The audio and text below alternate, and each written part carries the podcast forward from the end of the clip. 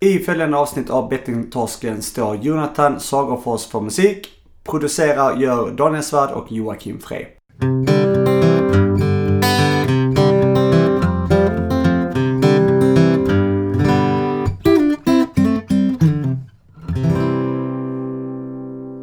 Hej och välkommen till Bettingtorsken avsnitt nummer 39. Hej! Goddagens.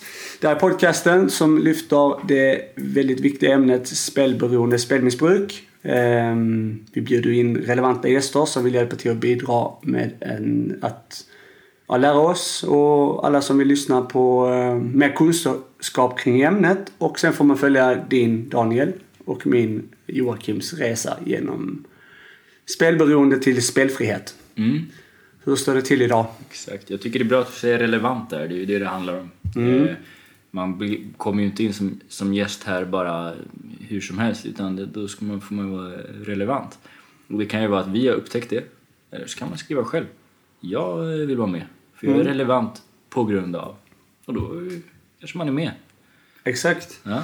Eh, och alla som har varit gäster har ju varit väldigt relevanta och eh, lärt oss väldigt mycket. Mm.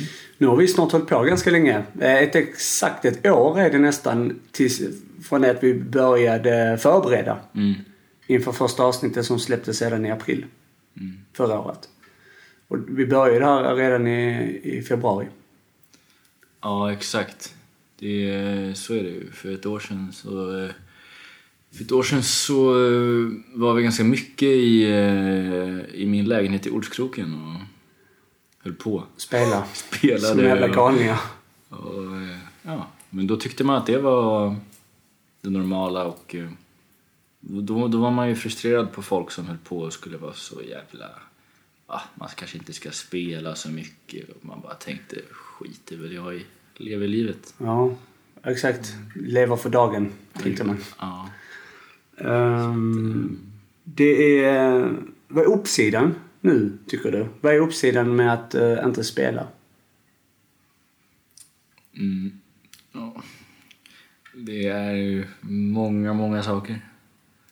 Eh, äh, jag kastar tillbaks den frågan. Jag, jag, ty- eller så, jag tycker faktiskt att det... Blev du tagen på sängen? Nej men alltså det, det låter kanske fånigt men jag tycker att det är så mycket så eh, jag vet inte vad jag ska säga. Alltså allt. Jag har ty- typ Det här- finns inga fåniga svar. eh, nej men det kan låta lite så här. Men jag, jag tycker så här, jag har hittat eh, jag har hittat eh, livet liksom efter jag slutade spela. Mitt Mm. liv har en eh, faktiskt en mening liksom. Även om jag kanske inte har eh, asbra struktur fortfarande på livet så, så finns det en mening med det och jag eh, kan eh, sitta och prata med en människa i ett par timmar utan problem och vara fokuserad och närvarande hela tiden. Och det, det har jag stort sett aldrig gjort. eh, Eller det hade jag, jag inte gjort på tio år.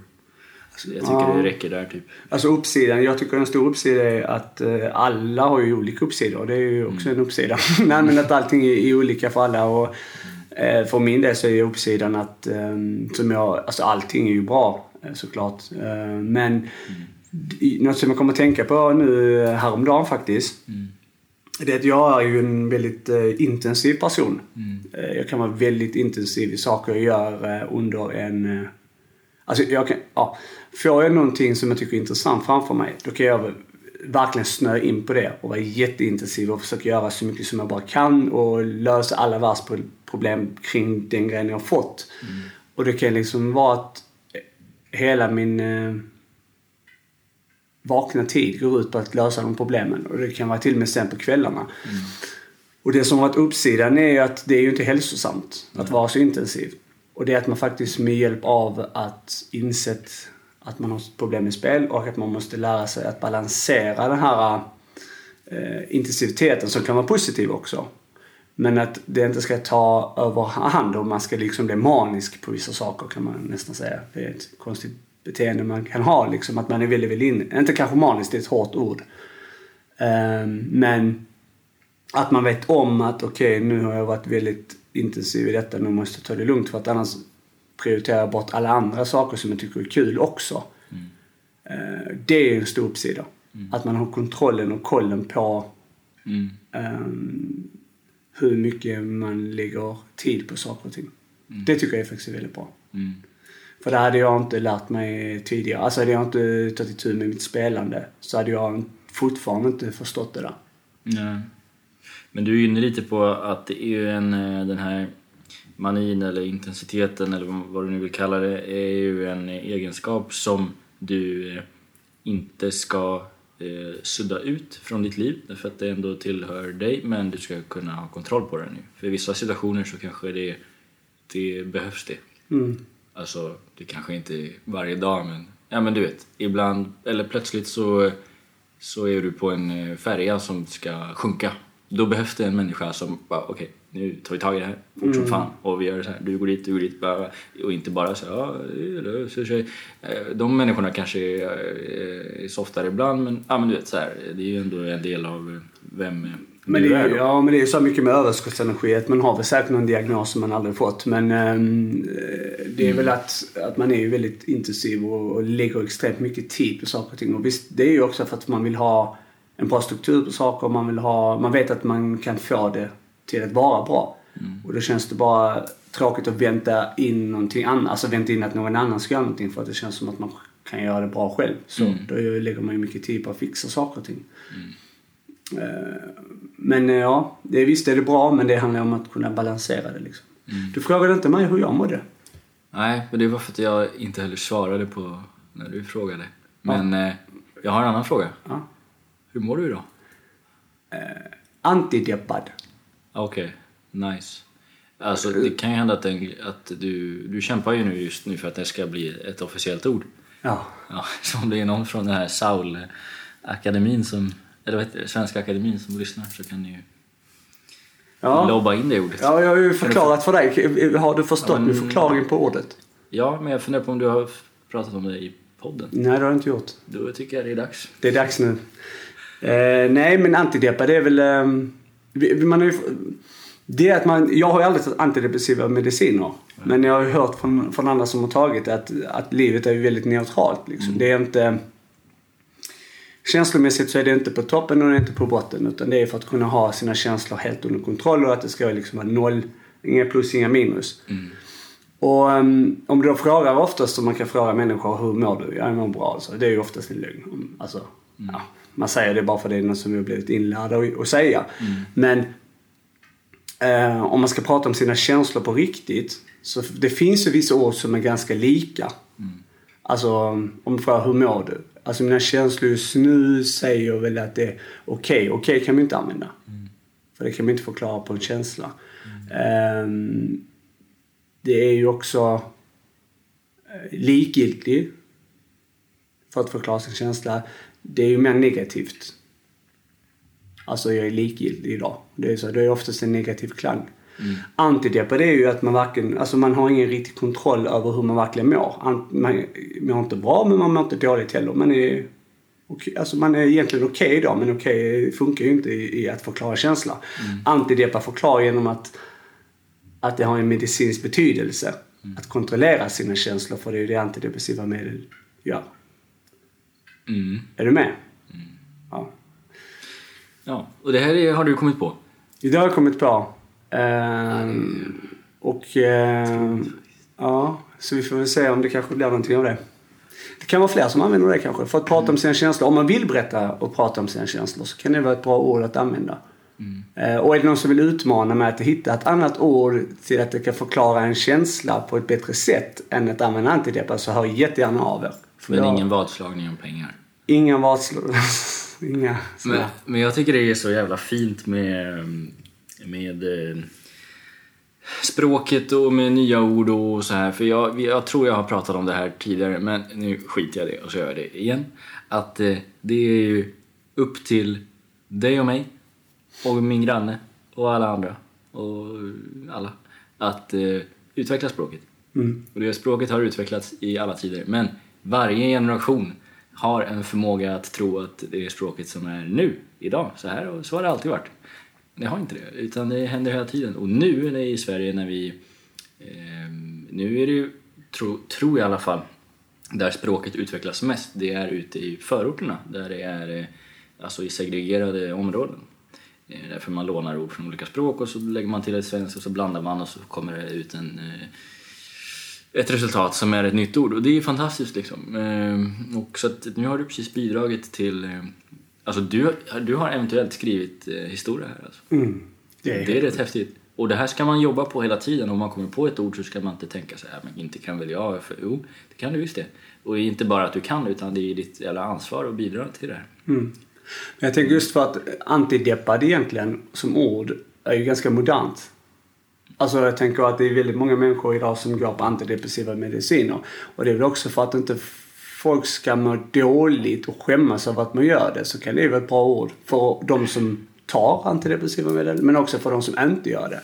Att det blir en mer normalisering. Det är ju liksom ett modernt ord så att jag, jag tycker jag får till det ganska bra. Verkligen. Men du, ett annat ord på tal om nya ord. Eh, har du varit serie, serieotrogen? Någon gång? Nej, ja, Det är ju inte jag som kom på det men det, Nej, det är ju det inskrivet till detta året som ett nytt ord. du. Ja, nej men det, jo det har, det har varit. Och en serie, jag har gjort, jag har varit en gång och det var på en serie som heter Blacklist. The Blacklist. Okej. Fick du Jo. skit för det? Ja, Ja. det blev ett jävla liv. Det är kul alltså att det finns sådana nya ord. Alltså, är för jag har också fått skit för det där nyligen. Vilken serie var det då? Ja men det är typ alla serier vi, jag ser med någon annan. Jag, jag kan inte hålla mig trogen. Har du till och med gjort det medvetet för att jävlas lite? Nej, nej, men det Nej men, nej, men nu är det med den här intensiviteten igen. När jag verkligen tycker något är sjukt spännande, då kan jag fan inte sluta nästan. Nej. Så det är svårt när jag är pigg och jag tycker något är jätteintressant, då vill jag gärna kolla lite till. Ja. Men jag måste bli bättre på det. Så att jag har faktiskt blivit bättre, men Mm. eh, jag är fortfarande serietrogen ibland. Ja. Ja, just det. Det låter, det känns nästan som att man har varit otrogen. Jag har aldrig varit det, men jag tänker att, eh, Du menar fysiskt otrogen? ja, i relation. Ja. till något. Ja, ja. Men eh, är det något som du känner att du vill eh, ta fram, lyfta? Eh, för vi har ju med en gäst till det här avsnittet. Eh, ja, det har vi. Men jag har inte så mycket mer att säga. Men du kan väl introducera gästen? Viktor Månsson, eh, legitimerad psykolog, eh, forskar i spelberoende i Stockholm. Mm. Eh, fantastisk kille. Eh, verkligen. Eh, och eh, det känns som att säga det alla, men alla som är med är ju det. Och på olika sätt. En eh, noggrann och lugn och härlig person som hade väldigt eh, mycket att prata, eller berätta för oss om. Mm. När det gäller just eh, beroendet, kan man säga. Ja, så är det. Ja. Det är bara att rulla- in eh, Viktor här i eh, bettingtorsken.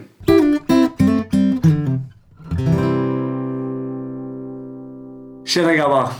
Hej. Hej! Hur står det till med er? Daniel? Jättebra. Tack. Mm. Jajamän. Själv? Jo? Det står eh, bra, bra till. Hur är det med dig Viktor? Det med mig är det bara bra. Jag har precis rest hit ifrån Falun och eh, känner mig på gott humör. Har eh, haft eh, ledigheter och, och sådär. Och precis börjat jobba eh, igång lite grann. Mm. Så det, det känns bra.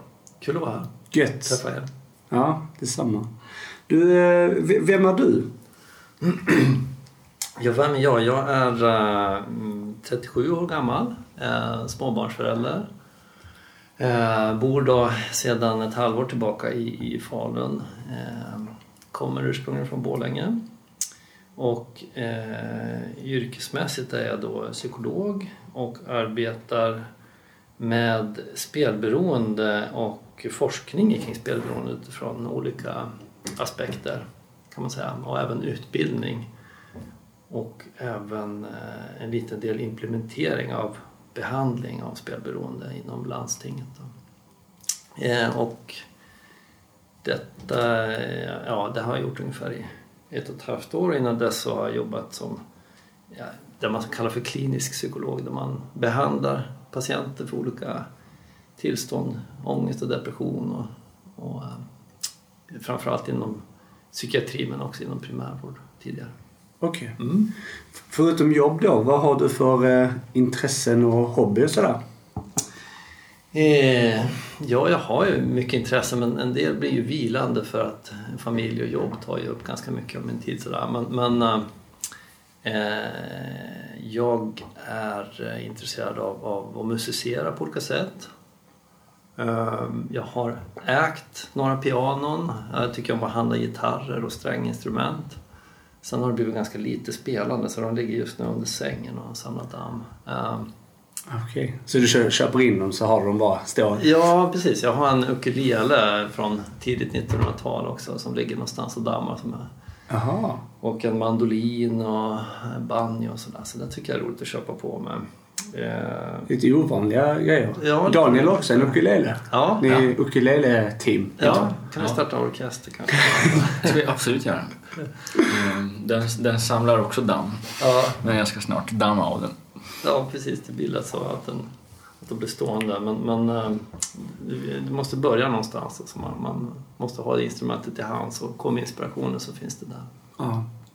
Alltså, du nämnde Borlänge, Mm. musik och så. Är inte Mando Diao, är det Borlängeband? Absolut. Ja. Det är, Har du headbangat mycket till dem? Eller? Eh, nej, eh, det har jag. Alltså, de, de är ju, jag har ju gjort fantastisk eh, musik och Mm. sådär. De är något år yngre än mig. Så jag har växt, gått samma skolor och sådär med dem. Okej. Ja. Eh, hade de en gång som förband faktiskt när jag spelade i ett band. Mhm. Har du spelat i ett band? jag har spelat i band i Bor- Borlänge, där hade vi de som förband. Jag vet inte om de kommer komma ihåg det men, men vi minns det i alla fall. Det var vår Mm. Kanske enda eller en, en av fåtal spelningar vi hade i- med det bandet. Ja, okej. Ehm, Finns musiken eh, kvar? Eller det är hemligt, det är preskriberat kanske? Alltså de, den finns nog sparad på något kassettband som man, då, då tog vi in liksom en kassettbandspelare in i replokalen och spelade in. Så, Ja. eh, det här var ju 90-tal liksom, det var innan man la ut allting på nätet Mm. och sådär. Nu känner jag mig ga- rätt gammal plötsligt. Men, men, så det finns några kassettband någonstans, jag vet inte var. Ja. Blev du imponerad att jag kunde det? Mando Diao, Borlänge? Att jag bara Jag var kopplade imponerad. Ja, det var bra. Men jag var med imponerad av det här med kassettband för det gjorde jag också faktiskt på 90-talet. Men Ja. då rappade jag. Jag trodde jag skulle vara Okej. en Ja. ja, det får vi hoppas att det inte finns kvar någonstans. Nej, det hoppas vi inte. Um, Okej, men eh, du forskar om, eh, om spelberoende, som du själv sa alldeles nyss. Hur kommer det sig att du eh, är inne på den banan? Ja, alltså det, det är väl olika tillfälligheter som har gjort att jag hamnade just kring spelberoende. Jag har haft ett intresse för psykologisk behandling och för att eh, utveckla behandlingsmetoder. Och eh, det sammanföll med att det, det helt enkelt fanns en tjänst och forskningsmedel för att forska kring spelberoende. Det är ett område som är lite eftersatt jämfört med andra områden. Eh, så det finns ganska mycket att göra där. Eh, och eh, jag sökte den tjänsten eh, och eh, blev erbjuden den och med, liksom med tiden så har jag eh, blivit mer och mer eh, vad ska man säga, intresserad och fascinerad och, och eh, engagerad i spelberoende utifrån olika aspekter. Jag har själv varit eh, spelare, inte spelberoende. Jag har spelat nätpoker och, och Mm. eh, kasino lite grann sådär. Så jag kan relatera till delar av det här, eh, hur man kan fastna i, spelandet. Ehm, jag var en ganska försiktig nätpokerspelare så det blev aldrig varken några stora vinster eller stora förluster. Ehm, men jag kunde se tjusningen i det. Jag kunde förstå att, att eh, timmarna lätt kunde rinna iväg när man satt ehm, eh, och spelade online. Ehm, och så, så problemområdet eh, intresserade mig och sen intresserade mig att forska. Det är väldigt privilegie och eh, ynnest att få ägna sig åt och liksom generera ny kunskap. Och Mm. Man får vara med i en massa spännande sammanhang. Eh, man får med att utbilda, man får med att utveckla behandlingsmetoder och sådär. Så det, det är ett väldigt tacksamt och spännande arbete. Mm. Eh, Varför... Jag, jag tänker så här, jag vill gärna ställa men va- varför spelar man? Eh, varför spelar man? Det var en bra fråga. Man har ju spelat i alla Eller det kanske var lite dum fråga men Ja, varför men det- faller man i spelmissbruk kanske? Eh, annan formulering. Men Ja. det går ju ihop. Nej, men man sätter sin... sin eh, jag läste någon antropologisk beskrivning som likställde det med ungefär med att be en bön. Att man sätter sitt, sin tilltro till något eh, högre väsen eller man, man, man sätter sitt hopp till att, till att man ska ha lycka och tur och på så sätt förändra sin situation. Så jag tror att det kan vara eh, det kan vara många olika eh, saker som gör att man spelar naturligtvis. Och varför man hamnar i spelproblem är lite en annan fråga. Varför, varför slutar man inte spela när man har fått problem av det? Varför upphör man inte bara om det blir eh, negativa konsekvenser? Om man, om man spelar och det enbart är positiva konsekvenser så är det ganska logiskt att man fortsätter med det. Eh, om, man, om man går plus eller man har bara trevligt och roligt i samband med spelet så. Eh, jag tror att man kan spela för uh, nöjes skull. Jag tror att man kan spela för att eh, eh, Eh, man har brist på andra meningsfulla aktiviteter i sitt liv. Ehm, jag tror man spelar för att man försöker desperat att lösa en ekonomisk situation genom en, snabb, snabb sätt. Spela till sig pengarna. Ehm, jag tror ibland har man svårt att redogöra för varför man spelar, att det bara blir så. Det är en vana, man har liksom etablerat en vana så, så som man borstar tänderna eller sådär. Nu råkar det vara en vana som man kan ta mycket skada av. Eh, det, fin- det finns en mängd olika motiv tänker jag. Och de kan ju naturligtvis samvariera, att man kan ha flera olika motiv till att man, att man spelar. Mm. Men vi människor verkar liksom vi verkar spela till alla tider och Mm. även under förbudstider så spelar man i olika sammanhang. Så det verkar vara något mänskligt i det där att, att satsa någonting i hopp om att vinna någonting av högre Mm. Så jag tänker, du, för du är ju utbildad psykolog. Eh, Jag tänkte med den här psykologiska aspekten på det. Liksom, hur eh, hjärnan funkar liksom i... eh, Det är väl inte tillräckligt forskat i än kanske. Alltså varför man egentligen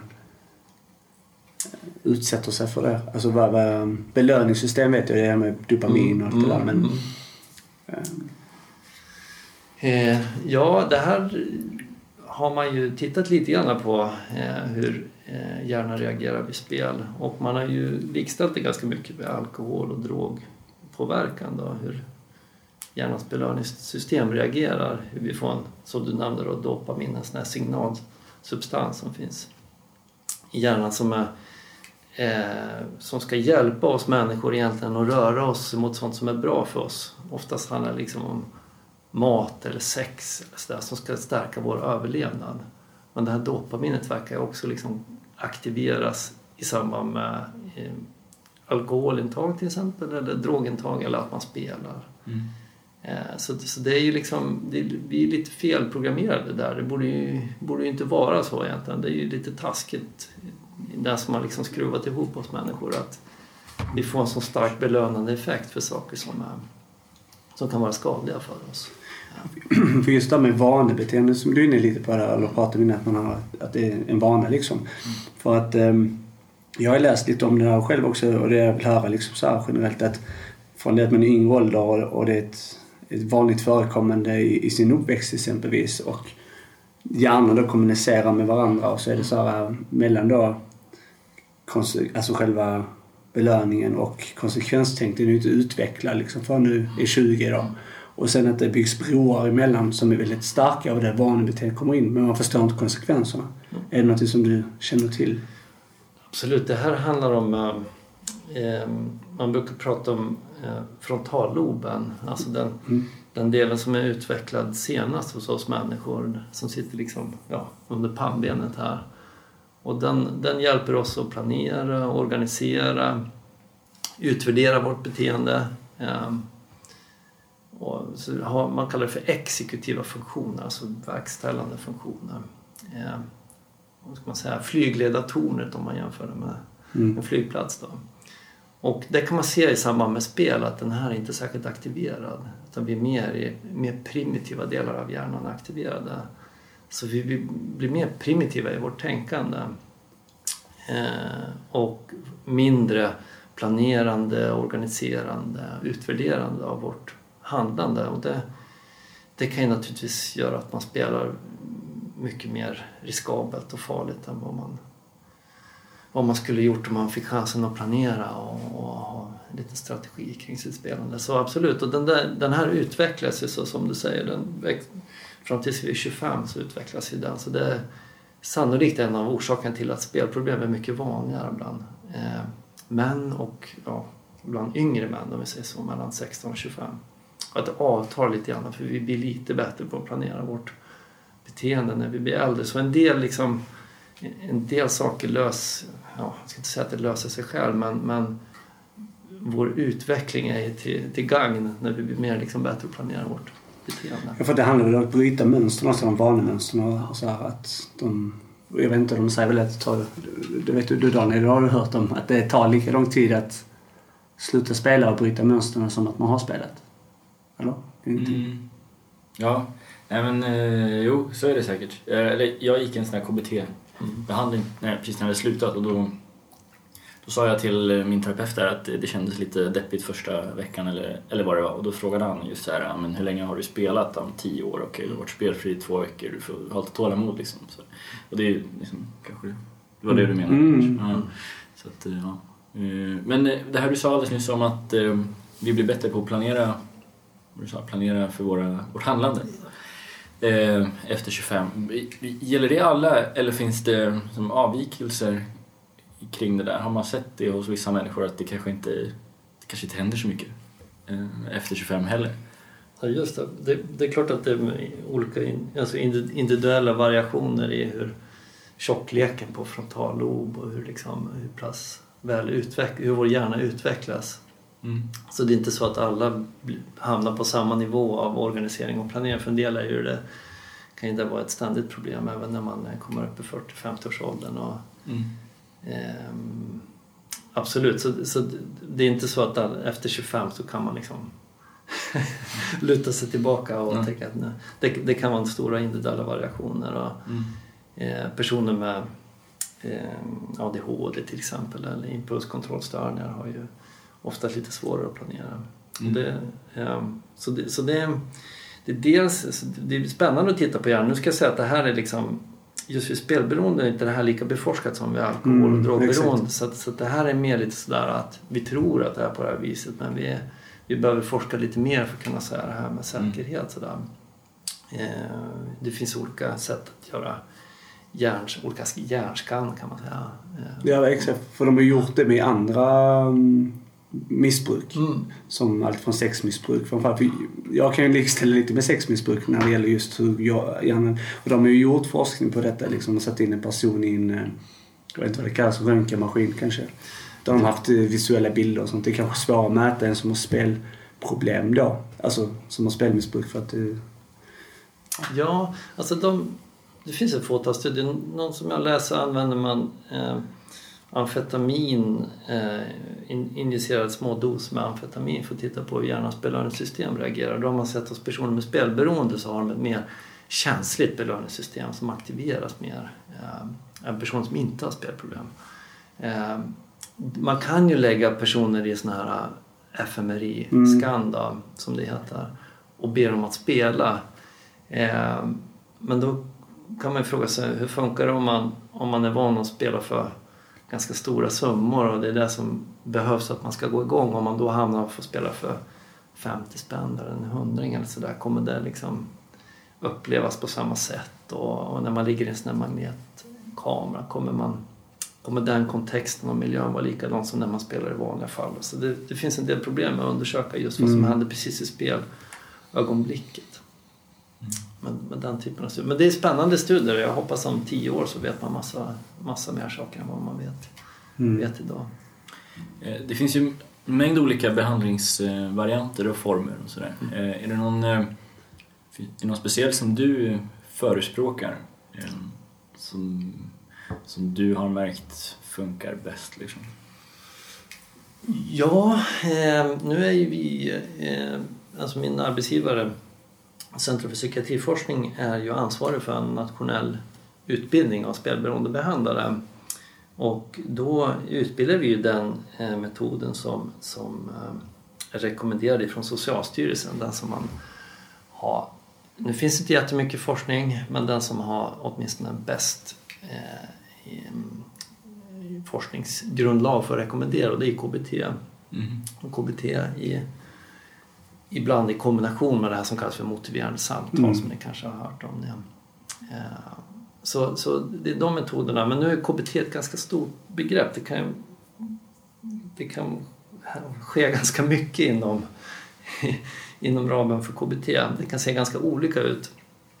Eh, och eh, det finns väl, jag menar min, min personliga, eh, mitt särskilda intresseområde som kanske inte eh, som inte tas upp i här riktlinjer är ju en variant av KBT som heter Acceptance and Commitment Therapy som handlar om eh, acceptans, det handlar om eh, värderingar, vad är viktigt i livet. Eh, man har en del mindfulnessinslag där man, Mm. man ö, gör liknande meditationsövningar.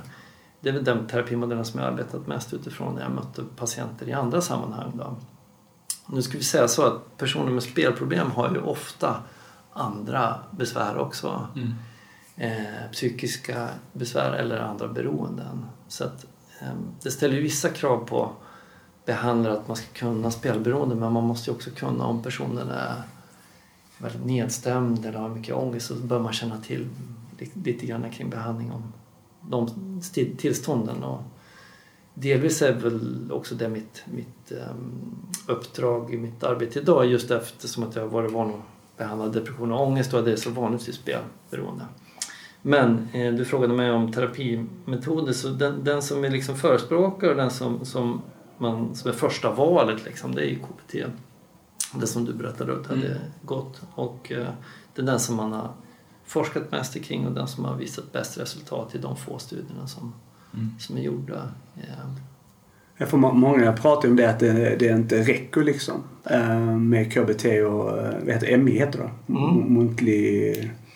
Ja, alltså. ME är det engelska Motivational Interviewing Ja, och samtal heter det motiverande samtal. Så- Så, när man säger MI så menar man motiverande samtal så det blir svårt att få ihop den där Ja, på, på svenska. Tänkte hur det går faktiskt. Vad står det för? Ja, exakt. Men, men eh, många säger att det inte räcker liksom. Och, eh,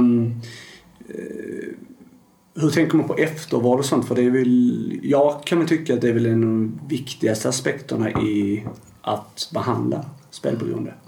Mm.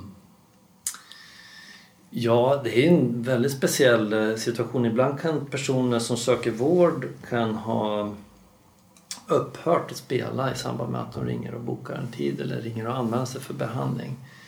Eh, Så när de kommer till behandling så har de varit spelfria kanske ibland, om det dessutom är kö till behandling och väntelista så kan det ha gått flera månader Mm. sedan de spelade senaste gången. Och de vill ha hjälp. De vill ha hjälp med någonting. Och vad är det de vill ha hjälp med? Då kan man fråga sig. Eh, och det som, som du som du lyfter, lyfter där så är det det kan vara andra saker Eh, som vidmakthåller. Det kan vara trassliga relationer, det kan vara eh, liksom ett dåligt psykiskt mående, det kan vara andra. Det en, för en del personer så spelar de bara riskabelt när de har druckit eller tagit narkotika eller eh, en drog. Eh, Eh, ja, för, andra så spelar de kanske under en period där de är sjukskrivna från sitt arbete för plötsligt har de massa tid att göra, ägna sig åt spelande. Det kan vara massa andra situationer som påverkar spelandet. Så, så det är klart att man bör titta på det också. Eh, och med återfallsrisken och så vidare. Så, så Mm. kanske behandlingen bör fokusera väldigt mycket på dels återfallsprevention. Hur kan jag hålla mig spelfri? Hur kan jag stanna mig i det, liksom, det läget jag är nu? Att sluta spela, det har ni ju säkert hört den här liksom, Sluta spela är inte det svåra, det svåra är liksom att vidmakthålla det där Ja, precis. och etablera nya vanor och, och så vidare. Mm. Eh, och den KBT-manualen som vi utbildar i har, har ganska mycket fokus på just återfallsprevention. Att, att eh, identifiera risksituationer och, och kartlägga eh, vilka beteenden gör att jag mår bättre, vilka beteenden eh, håller mig spelfri och sådär och vilka aktiviteter kan jag genomföra. Så, Det är ju väldigt intressant med just det här behandling som du säger Daniel, att vad det ehm, alltså eh, hur är det utformat liksom? Är det så att det är en tidsaspekt på eh, behandlingen eller hur? Alltså enligt liksom eh, den rekommenderade... Mm. Ja, alltså den... den eh, nu läste jag en metaanalys här, häromdagen som jag är lite präglad av och där ehm, den kommer från Australien där de har sammanställt återigen alla de här, jag tror att det var 23 studier som de hade sammanställt, behandlingsstudier. Och där kom de fram till att den genomsnittliga behandlingsdosen ligger mellan 6 och 8 tillfällen, så det är ganska kort behandling. Ehm, men en del protokoll sträcker sig upp till kanske 20 tillfällen och en del är kortare. Nu är det, området är väldigt speciellt för man har sett att även i sina studier där man sett antingen lottar folk till att nu ska du få behandling eller så låter man till att man får vara på en väntelista. Att man får vänta på behandling så ser man att även de som lottas till den här väntelistan förbättras. Alltså man spontanläker eller man förbättrar sig mm. av sig själv. Vi, vi, vet inte riktigt vad det är som händer där. Eh, att en del personer verkar förbättras bara det att man söker hjälp. Kanske ni har någon tanke om också. Man, eh, jag tror att det händer någonting där när man ringer och, och...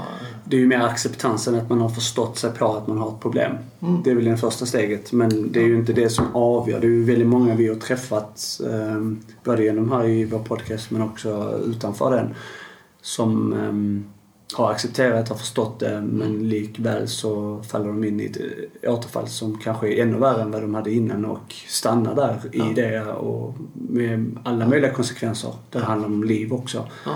Så att um, mm, acceptansen är ju ett, något som är självläkande att säga, mm. absolut. Men jag tänker mer att det är ju inte den långsiktiga lösningen Nej. alltid. Jag tror det kan vara lite skam också. Jag kan tänka mig att dels tror jag att jättemycket är så okej okay, jag fattar, jag har problem, man skärper sig tillfälligt. Mm. Men sen vill man inte, om, om jag skulle ringa dig till exempel och så får jag en, en tid om två månader, då vill inte jag komma dit och vara fullt spelande igen. Det är lite pinsamt sådär, kan, kan jag tänka mig att det är också. Mm, ja, det är en väldigt intressant tanke. Jo men så kommer man dit så tror man att man redan är färdig. Mm. För att man har spelat två månader. men det är man ju inte. Mm. Jag tror att den, eh, en, när jag funderar kring det där så tror jag att eh, för vissa så tror jag att när man ringer eller får en remiss eller hur man nu kommer att, att man också kanske pratar med anhöriga. Det kan vara en ganska viktig aspekt i det hela för vi ser det i behandlingssammanhang att, att en väldigt avgörande punkt är när man har gått från att dölja och ljuga och eh, sopa, under brev, sopa bort brev från Kronofogden och allt möjligt. Det kan gå ganska långt det där. Mm. Och fram tills att man blir avslöjad eh, och någon som man lever med eller någon familjemedlem eh, får veta om den här hemligheten. Då, att det där är en så stor lättnad då för många. Och att det först efter det som man kan börja liksom staka ut vägen mot, mot eh, spelfriheten. Då. Att, att, jag tror att det är väldigt svårt att, att bli helt spelfri eh, ensam. Utan man mm. behöver någon, någon med sig. Liksom. Mm. Och ofta berättar ju, jag tror nästan ingen som har spelberoende eller spelmissbruk berättar ju inte hela sanningen heller direkt. Utan det är alltid små detaljer som man sparar liksom. Mm. Och det är ju de som oftast är de förödande. Mm. Så att om inte man kan börja jobba med de delarna också, att ja. vara helt transparent och ärlig så, så kan man ju väldigt lätt falla in i gamla mönstret också. Ändå man har erkänt det liksom. Mm. Ja. Eh, du nämnde ju här att eh, du forskar, eller tittar lite på eh, mindfulness och sådär. Det, mm. det tycker jag är intressant för att det fascinerar mig också och jag har märkt för egen del att mitt spelsug, det går ju vågor hela tiden men det är alltid som högst när, det, när jag tycker att livet är lite trassligt i övrigt liksom. Men det kan ju vara små saker liksom. Jag hade en skitdag på jobbet liksom. Då, då kanske man kan känna att det, det ökar lite och så. Eh, hur, hur, menar du mer konkret med liksom, mindfulness i, i den situationen? Mm. Alltså vi, gör, vi har en pilotstudie just nu där vi har en gruppbehandling eh, på Beroendecentrum här i Stockholm där vi eh, testar någonting som kallas för emotionsreglering och, och det innehåller då komponenter av mindfulness eh, där man eh, ska öva sig i att känna igen känslor kan man säga. Och lägga märke till vilket känslotillstånd. Så när du bara att du avslöjar och upptäcker dig själv på vilket humör du är på idag, att det här är en risksituation för mig. Eller, Mm. För en del så kan det vara positiva känslor som är en risksituation. Att Mm. idag känner jag mig, idag har jag flyt och idag mår jag bra och det är min tur idag och så vidare. Mm. Eller nu ska jag unna mig ett spel. Det kan ju finnas massa sådana typer av...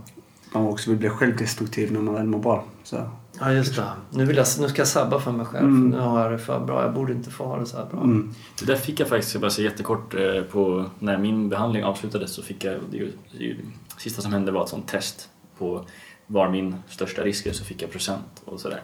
Det var väldigt användbart ju så att man ska passa sig för de situationerna. Liksom. Ja. Och då var det precis det där, för vissa kan det vara glädje, för vissa tvärtom ilska eller nedstämdhet eller ja, det fanns ju tusen olika situationer liksom. Eh, Mm. Ja. Och det där kan man ju öva sig på olika sätt. Vi kan... Eh, om jag generaliserar lite så tror jag att vi män är sämre än kvinnor på att lägga märke till känslotillstånd.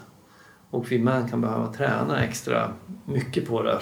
Eller alla kan behöva öva sig i det. Och det kan man göra genom meditation till exempel. Eller genom mindfulnessövningar som är en mildare variant som inte behöver ta att man, man behöver inte resa till Nepal och bli munk liksom, utan man kan, det finns enkla appar man kan använda sig, Mm. använda sig av att, att eh, bara observera liksom, tankar, observera känslotillstånd, fysiska förnimmelser. Det hjälper en också att stanna upp lite grann.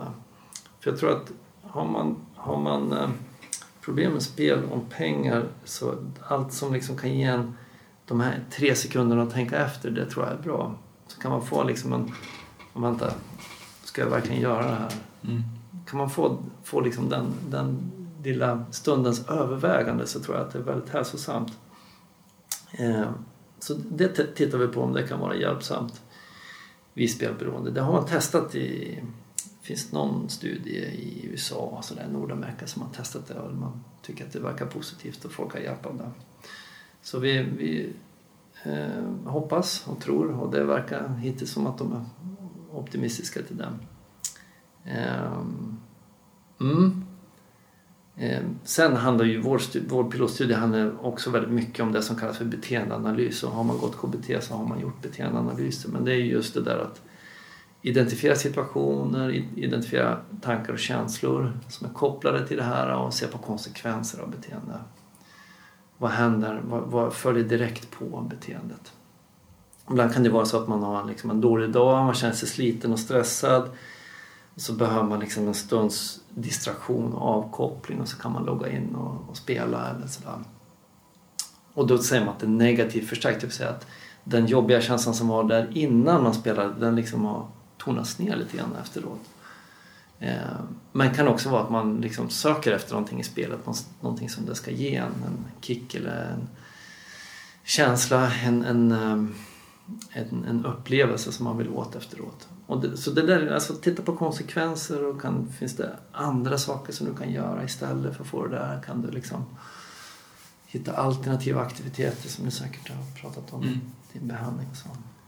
Mm. Eh, så. Så det har vi också med i den här. Lockande där med att bli munk i Nepal faktiskt. Det är mycket bra. ja, nej, men eh, intressant. Men hur... Eh, ja, men hur, hur, eh, hur långt har man kommit i forskningen egentligen? Alltså, eh, kanske det är en dum fråga, men alltså hur... Eh, finns det något snart i medicin? Eller någonting man Alltså, kan ta ett- för motverkare, en piller äh, som, så blir allting, så blir allting Ja. bra. Ja, men precis. Nu, ska vi säga att jag, jag är psykolog och psykologer förskriver inte medicin Ja, så. och har, har inte den, den utbildningen. Men jag har ju läst eh, de studierna. Man har ju provat mediciner vid spelberoende. Och det är medicin eh, som man har använt vid alkoholberoende för att minska suget. Kan vi säga, som man har testat.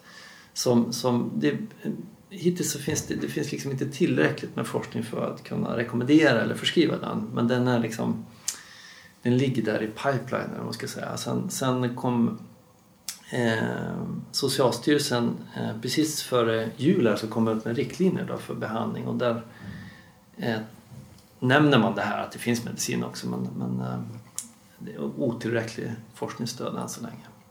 För det. Och vad som är speciellt vid spel är att det, det är en ganska eh, liksom heterogen grupp. Så det kan vara så olika typer av spelare. Så jag tror att det där med att det kommer finnas en liksom, ett piller eller en behandlingsintervention. Jag tror inte det riktigt kommer hända för att spelare är så pass olika. Mm. Man kan ju fundera på om det verkligen är bra också att det skulle komma ett piller för den här kortsiktiga vägen. Liksom att folk kanske inte tar tag i det på riktigt utan man vet att det finns en typ Alvedon och, och, och så blir det bra. Det kanske är, kanske är bra kortsiktigt men är kanske en katastrof också på, på lång sikt. Jag vet inte. Men att jag skulle nog aldrig stoppa i mig det i alla fall. Det hade inte känts så bra. Nej, alltså vi håller ju på med podden så det är ju vår medicin. Jo, jo, så, men, men, jag hade inte gjort det innan heller tror jag. Nej, Eller hade du gjort det? Nej, jag är inte så mycket för Känns medicinerna det inte bättre faktiskt. att göra en gedigen utredning och behandling? Liksom? Jo, exakt men um, i och med att det inte finns en, som man säger, att det inte finns en exakt en behandling som Mm. kanske är individuell, alltså som ska passa då. Det, det, man, man önskar att det skulle finnas en eh, knapp man kan trycka på bara nu. eh, Alltså. Ja, Men det, det ska man egentligen trycka på redan när man är barn. Så man slipper eh, ens bli utsatt i det vid senare Ja. ålder. För att ofta är det ju eh, ofta är det ju för sent Mm. när man behöver trycka på knappen ändå. Så. Och, och det, det tror jag att man är väldigt medveten om. Eh, Nu har det kommit en ny lagstiftning för både socialtjänstlagen och hälso och sjukvårdslagen och där har man ju verkligen tryckt på det här med, med barn i familjer till missbrukare, att de ska uppmärksammas och att man ska in- informera och, och ta hänsyn till barn, barnens situation. Så jag tror att det, vi är inne i en väldigt spännande tid med spelmissbruk och spelberoende. Det händer väldigt mycket just nu. Eh, och hela, eh, hela den generella attityden till spel om pengar håller på att förändras i Sverige. Alltså vi färre spelar om pengar. Den, den siffran går neråt. Från att vara 83 procent så är vi nu under 70 procent någonstans som har spelat om pengar senaste året. Och jag tror också när en, en, ni känner ju till att socialtjänstlagen har ju förändrats så att nu ska kommunerna Mm, ge, ge hjälp vilket är fantastiskt. Men också stressande om du är kommunchef i Tranås och har liksom ingen som är utbildad och så måste du hitta en utbildning och sådär. Mm. Och vad är det vi ska göra och sådär. Så det, det, det kommer ta tid att ställa om. Men jag tror också en jätteviktig aspekt av den här nya lagen det är att det skickar en signal om att spel om pengar kan vara lika farligt som alkohol och droger. Och att det kommer förändra, bidra till en, en attitydförändring i större grad. För det fanns, alltså jag tror, när man när jag har hållit föreläsningar så, så brukar jag liksom fråga folk om de har spelat om pengar och liksom lite attityder kring det där. Och man, man har inte varit medveten om hur farligt det kan vara och vad det kan leda till för konsekvenser. Eh, det, det, folk är fortfarande lite grann ovetande kring det. Så, så den här lagstiftningen kommer hjälpa tror jag också att folk hajar till liksom att det där det kan utvecklas till ett beroende och åsamka väldigt mycket skada. Eh, kunskapen och forskningen är ju eftersatt som du är inne på men upplever du ändå att ni som jobbar med det här har ekonomisk uppbackning att göra det ni vill och, och utveckla det så mycket som möjligt? Eh, ja, det måste jag absolut säga eftersom jag, ägnar, jag har en heltidstjänst där jag ägnar enbart åt spelberoende Mm. och eh, eh, forskning kring behandling och utbildning och hel, liksom heltidsfinansierad och även då min kollega Olof. Eh, så att eh, det finns ekonomiska resurser nu och eh, det satsas, jag menar Svenska Spel har ju också satsat mycket pengar på forskning och finansierar doktorander och, Mm. och forskningsprojekt. Eh, Folkhälsomyndigheten stöttar mycket forskning. Så, så det, det, vi har väldigt bra prevalensforskning, alltså hur många i Sverige som har spelproblem eh, har vi ganska liksom, bra koll på nu eftersom att det har gjorts gedigna studier. Hur många är det då? Ja men precis. Nu, nu måste jag kunna, det ska man kunna bli väckt mitt i natten och kunna Mm, eh, svara, svara på. Ja, alltså den, den, eh, den stora studien i Sverige som ni säkert har dykt på eller om ni har pratat med någon heter ju Svelogs. då. Mm. Ja. Eh, och i den senaste Svelogs-rapporten eh, så, och där kallar man det för problemspelare. Det är liksom en kategori som är problemspelare där man har haft någon form av negativ konsekvens av av eh, spel om pengar. Och då säger man att ungefär eh, cirka 2% är problemspelare i Sverige. Eh, och sen nästa nivå som har liksom utvecklat då man skulle kalla det för spelberoende eller hasardspelsyndrom. Som har liksom den högre nivån sätts man kring 0,4 procent i Sverige. Eh, och sen är det ju en, får man lägga ovanpå det där får man lägga många personer som ligger i riskzonen, kanske 4-5 procent. Och sen får du också addera alla anhöriga, Ja, familjer som, säga det. som Bra. finns runt omkring. Exakt. Är du glad? Ja, nej, men eh, det, många missar ju det. Det, det är ju, Ja, alltså, vi är nu ja, framme på precis. 50 procent snart här. Av hela Ja. befolkningen. Alltså, Nej, det är nej, men då- otroligt många. Det är många som är liksom som blir drabbade av det här problemet. Som in, alltså förutom individen själv då, det är ju föräldrar, det är sambos, det är barn. Alltså det... Ja. Ja, för ska man jämföra med andra missbruk så är det så. Och det är inte något illa. Alla missbruk är ju hemskt liksom och det ska ingen utsätta sig för. Men det är så här. Mycket är ju individuellt. Mm. Spel är ju individuellt såklart. Men konsekvenserna är mycket tydligare på anhöriga. Inte bara um, beteendet och hur de har varit medberoende och så här, vilket eh, många är då. Men det handlar om den ekonomiska aspekten. Mm. Som påverkar ju då alla egentligen.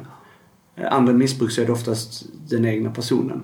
Så, eh, Ja. För att det är svårt att... Ja, ja ni fattar vad jag menar. Ja men absolut. Och, och det, kan ju, det kan ju vara dröja många, många år innan man liksom återhämtat ekonomin på något sätt. Och, och, eh, ja men dels att ekonomin blir, blir sabbad men att man kanske har eh, Ja men man har oftast gjort det här i lönndom då på något sätt och det sveket och allt det där som är kopplat till det. Så det absolut, det, det har enorma konsekvenser för anhöriga och därför så Samhället också, företag och allting. Det är förskingringar och alla möjliga varianter. Liksom.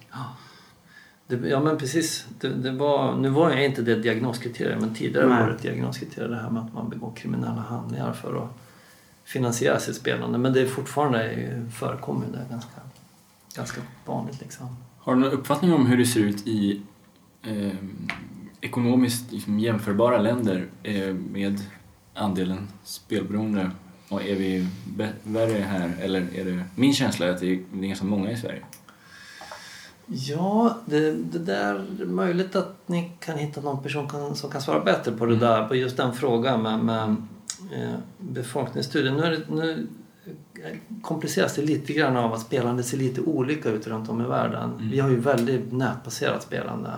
Medan i, i Australien till exempel är det mer såna här electronic gaming machines, alltså motsvarande, motsvarande Vegas-maskiner och Jack Vegas-maskiner. Och i andra delar så är det mer liksom galopp och trav och sådär. Så det, det ser lite olika ut. Eh, och det finns väl eh, de som forskar mest, alltså när man sitter och läser artiklar och studier så är det oftast eh, Kanada och Australien som brukar dyka upp och de är väl någorlunda jämförbara med, med oss liksom sådär i, utvecklingsmässigt. Eh, och det brukar vara ungefär samma siffror. Alltså det är inga jättestora eh, variationer. Men, men eh, vi är ju mer nätspelande i Sverige. Mm. Skulle tippa, nu, nu höftar jag bara, men jag skulle tippa att vi ligger i allra topp där. Alltså, Mm. Mycket webbaserat. Och de spelarna är också de farligare varianterna. Finns online nu för tiden. Alltså online-kasinon och, Ja. och så vidare. Där det kan gå väldigt fort. Jag tänkte så här, är det så här, eh, alltså bestämt att vissa spelar, spelar mer riskfyllda än andra? För jag tänker att alla spel är väl riskfyllda? Alltså jag menar så här, vissa snackar ju om att vissa är mycket farligare än andra spel. Eh, men, eh, ja. Ja, Så, eh, det, det där behö- egentligen så behöver man beforska det där lite bättre. Mm. Vi diskuterar det där ganska ofta, jag och mina kollegor. Och, och det finns ju någon slags... Vi har ju någon uppfattning. Man kan ju titta på de som vänder sig till Riksförbundet till exempel. De efterfrågar vilken speltyp som ligger bakom att man kontaktar. Och samma sak i stödlinjen så får ju de frågan vad är det för typ av spel som gör att du kontaktar oss för hjälp. Och då brukar ju eller då har de senaste åren så har ju online-kasinot liksom exploderat. Från att ha varit 5-10% av antalet som ringde in då, till att vara hälften av antalet. Bara på 6-7 år har det här liksom stegat. Då. Eh, så det stärker väl lite grann den här hypotesen att online-kasinon är de farligare. Eh, sen kan det ju vara olika varianter av online-kasinon också såklart. Och det kan vara, men som en liksom generell regel så brukar man att ju snabbare spel desto farligare. Ju snabbare mellan insats och utbetalning desto farligare. Men tror du inte att, att det kan vara missvisande igen också? Att, och det är inte för att säga att studion är fel. Utan när folk ringer in så säger man när jag spelar online så tror folk att det är online-casino. Att det inte är online utan online är ju sportspel och det finns ju, och det finns ju bingo och det finns ju alla möjliga Mm. varianter av, av spel online. Men jag bara menar att det kan- kanske lätt misstas att online är online-casino.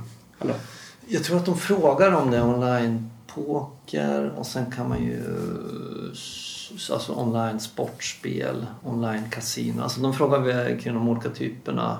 Mm, Okej. eh, är jag nästan helt säker på. Och att man då kan differentiera ett online kasino. Men, men jag kan, jag får nog... Vi, vi, vi, ska träffa stödlinjen någon gång eller så. Ja, det, så vi får fråga dem. jag, jag ber dem ta med sig de siffrorna så kan de... Ja, de, ligger, de ligger på nätet också så det går Ja. att hitta dem där. Ja, det kan vi också snacka med föreningarna om ju.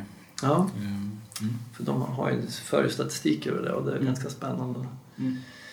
se. Ja. Jag vet inte hur vi, hur vi ligger till. Eh, Mm. Vi börjar bli... Är det någonting som du känner vi har missat som du gärna vill lyfta fram? Så. Ehm, ja, jag vet inte. Ehm, som jag gärna vill lyfta fram. Det, är, det här kan man ju prata om hur länge som helst. Jag tycker det är Mm. otroligt Mm. spännande. Och, verkligen. och det är ett område där eh, självhjälpsgrupper och stödgrupper har dominerat kan vi säga under många år. Eh, Riksförbundet har ju eh, enligt mig åtminstone kanske tagit emot och behandlat fler än vad liksom det offentliga, sjukvård och, och kommuner har gjort. Mm. Eh, men nu ska det här liksom sakta jämnas ut då, och få någon slags jämvikt i det här.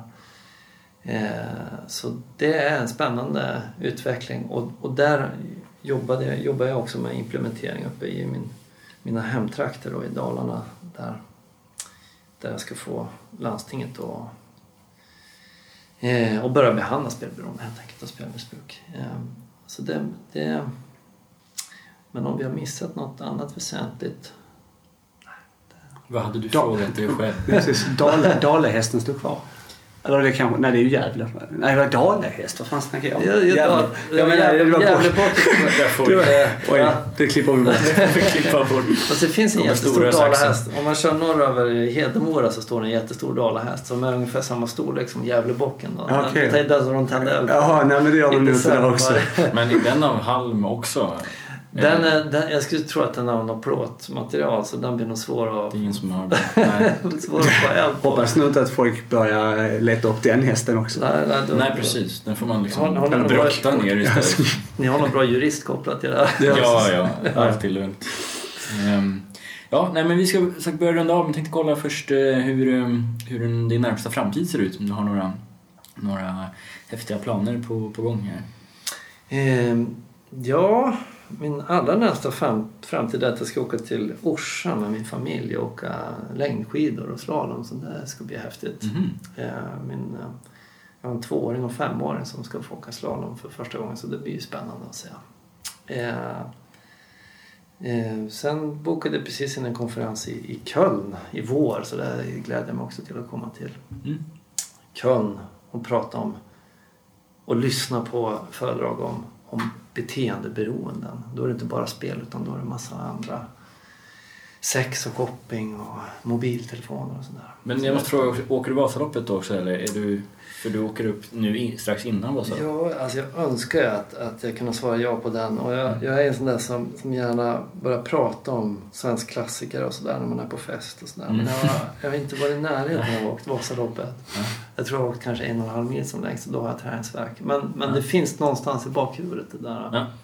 Jag ska springa Göteborgsvarvet. Mm, jag så med. det, så men Ses vi där. ses vi där, ja Mm. precis. Så det, Gött. Men eh, en sista fråga då. Vad har du att eh, rekommendera oss i livet? Det behöver inte handla om ja, spel som vi har diskuterat. Det kan vara vad som helst. Eh, jag skulle rekommendera folk att eh, vara ute mer i naturen och eh, faktiskt någonting som jag hade glömt under många år, bo i tält. Det är väldigt trevligt att bo i tält. Det upptäckte jag i somras igen. Så jag tycker folk ska bo mer i tält. Då tror jag vi får en Mm. bättre, bättre värld faktiskt. Och man kan vara ute i naturen och sådär. Så testa att bo i tält om man inte har gjort det på länge. Nu är det, inte, nu är det, mitt, nu är det januari så nu kan det vara lite kallt. Men Mm. När våren kommer. Så ut från lägenheten och sätt, lägga ett tält. Det är bra. Härligt. Eh, Ja, men eh, stort tack för att du tog dig tid. Det uppskattar vi verkligen. Ja, stort Mm. tack själva för att ni gör den här suveräna podcasten. Ett jättebra bidrag till spelberoende communityn.